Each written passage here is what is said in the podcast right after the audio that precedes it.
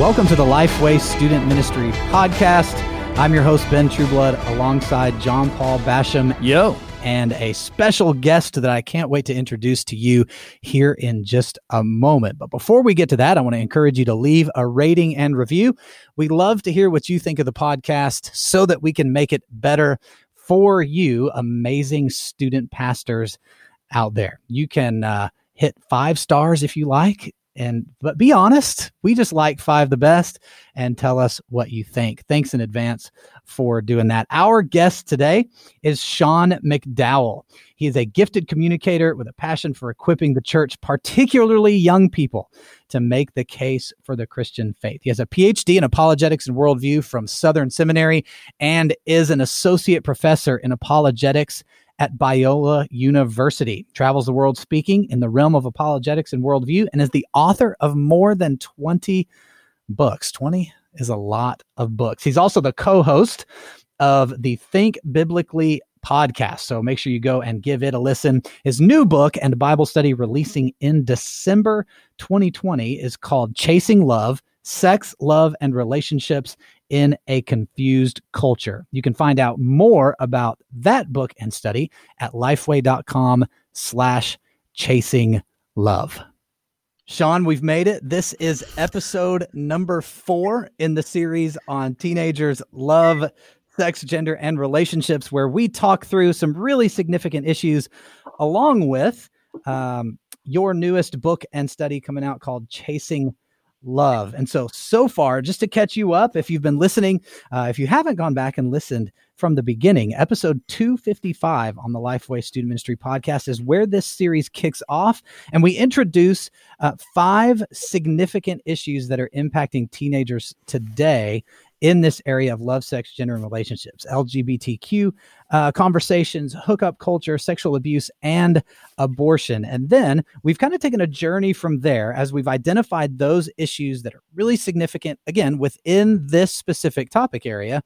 And uh, Sean's talked us through how student pastors can equip themselves to address these issues, uh, how the church and student pastors can partner with parents. And today, in the last episode of this series, we'll talk about how you, as a student pastor, can pastor in this really significant moment. So, in episode one, if you've listened to all of them, and if you haven't, bounce back there really quickly and catch up. Uh, I said I wanted to come back to a specific moment uh, in that first episode. And Sean, you had talked about um, how it's difficult to have these conversations because if we can sometimes come off sounding like a bigot or being uh, seen with hatred uh, if a strong stance is taken on these issues. And so I would love for us to start off the how we can pastor people through these issues with that specific thing and uh, a little wisdom on, hey, like we need to be truthful, but also loving and not be a bigot in our truth. I was in a debate with an outspoken atheist about a year and a half ago. And I said to him, I said, look, you and I disagree about same sex marriage, but I've read both sides and I actually think you're motivated by what you think is true. Why doesn't your side show the same charity to me? And he said, mm. I hmm. don't care if you put a smile on it. You are stealing people's rights. What was mm. he hmm. basically saying? You are a bigot. And the only way you're not a bigot is to change your theology and become affirming. Now, mm. I hear that from atheists, and I've heard that from some Christians why am I starting with this when you said create a space for conversation and love? Because the reality is, there are many people, and it's growing increasingly in our culture that says if you believe the sexual ethic of Jesus, you are bigoted by definition.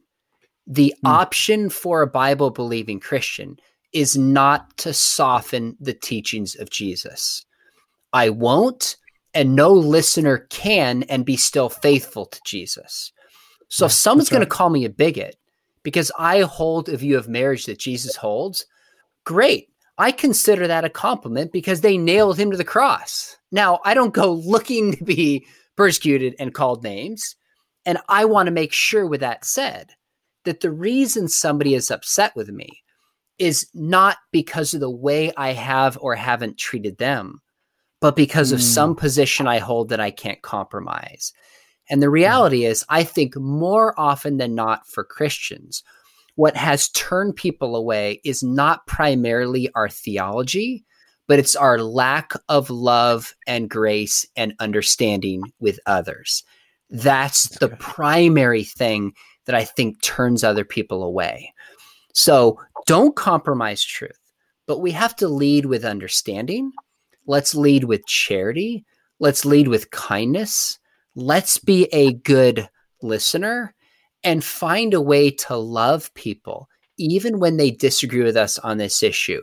And I found that most people, not all, but most mm. people will resonate if we just treat them the way we want to be treated that's how we have to approach this conversation. So when it's all said and done, I'm not going to say to a young person, here's how you aren't viewed as a bigot, because you know what? Your view in the eyes of some people is bigotry. I don't think it yeah. is, but that's how some will view it. The question is, regardless of how people respond, how do we make sure we are genuinely loving people based on a biblical view of love and we are motivated by kindness? Then we can let the chips fall where they may. So good. Man, I heard someone say one time in talking about um, one specific church's approach to reaching the people that were coming into their environments is that the gospel is offensive enough. Nothing else should be. Hmm. So it's basically just communicating this hey, when they walk through the doors of the sanctuary and they are confronted with the word of the Lord, that's probably going to sting because we're not going to shy away from that truth of the gospel. But everything else about us as believers needs to reflect this come and be, belong here in this space with us. Because it's not only you that's offended by this gospel, it's us too. As, as we all move forward, this gospel is a, an equal offender. So hmm. I, I love the way that you that you position that. It's not that I think sometimes as we pastor students, we feel like we have to soft pedal the truth sometimes mm. in order to draw in a group, any one, any group of students in particular. That okay, I'm I'm not going to address this or I'm not going to address that, and we're trying to be savvy about what we say to to speak to the hearts of some of any specific person. But it's not that. It's not shying away from the truth but it is highlighting how is the truth that is equally offensive to me also the most uh, the most loving thing that has ever been told to me. Hmm. how is that um how is that my my my shield? You know how do i see that truth like david saw that truth as my place of refuge and how do I communicate that love to these people that I'm pastoring while also not shying away from that truth. It's an interesting conversation, I think, because I think in church circles, we tend, uh, there is a temptation, I'll say it this way. There is a temptation to put a lot of work on the theology side of things and not a comparable amount of work on the relational side of things. And I think what you're saying is yes, we've got to be on the theological side, sound, understand what we believe, be able to articulate that in a clear way that reveals Jesus, but also put as much work into the relationship building that provides maybe a fertile ground for those things to land on a little better. Yeah, I think that's right. And I, I, think there's a few things we can do. We can be careful, for example, like with the language that we use, the stories that we tell. And I'm not the language police who's like, use this pronoun, don't use that pronoun. That is not my point. I'm saying the stories that we tell about issues related to, say, LGBTQ or people who have experienced sex abuse or people who view pornography? Am I communicating to this group that no matter what decision you've made, there's a biblical standard here we're aiming for, but you are loved and you are accepted and you are valued no matter what? Are we creating an us versus them narrative that's going to alienate kids? Or is it, gosh, are we creating a bridges with other people? So I think we just have to take stock. I had a young man in Canada. He says, I'm so worried to come out to my parents. They don't know that I have same sex attraction because I've heard little comments they've made here and there about gay people in the gay community. Those small comments stuck, mm. stood with him and prevented him from wanting to talk to his parents. We got to be careful how we talk about other people and make sure it's with charity, make sure it's with kindness, those are the little things that help somebody feel included and involved and valued in a community and in a church. I'd also say get our students out, not just those who come through our doors. We should be teaching our students how to have conversations with people who see the world differently, love them, care for them, build relationships with them, even though they maybe see the world very differently. Often for me, leading into a, a conversation where I know that I'm going to have a different opinion from the person I'm speaking to. It's so helpful for me to try to think ahead of time. How do I think they're going to approach this conversation? So I don't find myself in the moment, my heart beating fast, and all of a sudden I'm I'm emotional about it, and I'm not responding in the most loving way to them.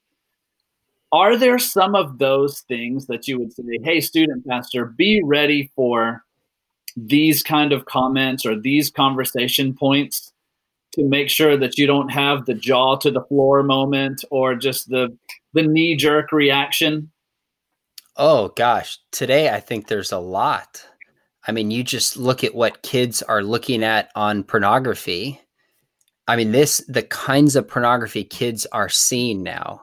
To be very frank since you asked sex with robots sex with animals i have had all these kinds of questions from young people. And if you look at, I mean, I have a kid recently, he's like, I'm polysexual, I'm pansexual. Like, this is just the water these kids are swimming in. So I do my best to to try to think through ahead of time the kinds of questions young people ask and how I will respond before they come. But there's inevitably questions that come in my mind. I'm going, Dear Lord, you're 13 how are you mm. thinking about this? Like, oh my goodness, but they saw it on Netflix or something. So I yeah. learned to just inside take a deep breath, not freak out, ask questions, and make sure they don't feel like I'm looking at them like they're crazy for asking this, but I'm glad they came to me. So this goes right along into the scenario uh, that I was going to have you walk through uh, to kind of cap off this episode. And that is you're a student pastor and you have a student that says, Hey, do you have a few minutes where we could talk? And they share something with you in this category. Hey, I, uh, I'm struggling with gender, or I think I'm gay, or one of the other issues, I'm addicted to pornography, or one of the things that you mentioned earlier.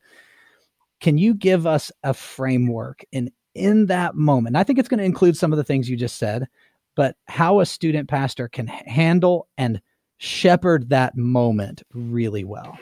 So let's take one of those. Let's assume it's a kid that's coming out to you and says, or actually, let's take the transgender issue. And a kid who's a boy says, I think I'm a girl. How do you respond? First thing I say is, I say, Gosh, thanks so much for sharing with me and opening up. I can only imagine how much it took for you to share this, not knowing how people would respond. So thank you for trusting me with this part of your life. Second, tell me how long have you been wrestling with this?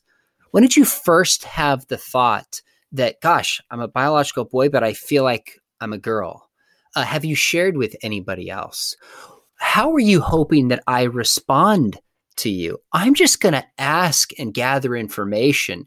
And to me, in that conversation, a win is that this young person knows Mr. McDowell cares for me and is going to stay with me through this no matter what happens. That's step number one. Now, any kid who'd been in my youth group or been in my Bible class knows where I stand on the range of issues. It's no secret. So I don't feel the need immediately say, you know what, if you go to Genesis 1, Bible says God made us male and female. Keep that in mind. Like they know where I stand. I'm going to mm. lead with grace, lead with relationship, and then probably say, okay, next step is we want to tell your parents in due time, do you want me to go with you? Because that minimizes oftentimes parents responding away we don't want them to necessarily respond. And by the way, sometimes I'll say to kids, I'll say, look, you've probably been thinking about this for months or years. Your parents are just finding out. So let's hmm. have some grace with maybe the shock that they will feel. Is that fair? So I'll kind of help prep the kid for that. So, win number one is listen, love, comfort. And I probably also would connect this young person if it's a gender issue with somebody who's a Christian who wrestles with gender dysphoria or somebody who transitioned and transitioned back to give them a perspective they're probably not getting on YouTube, probably not getting at school, and to see that there's really loving, thoughtful Christians who have worked through this.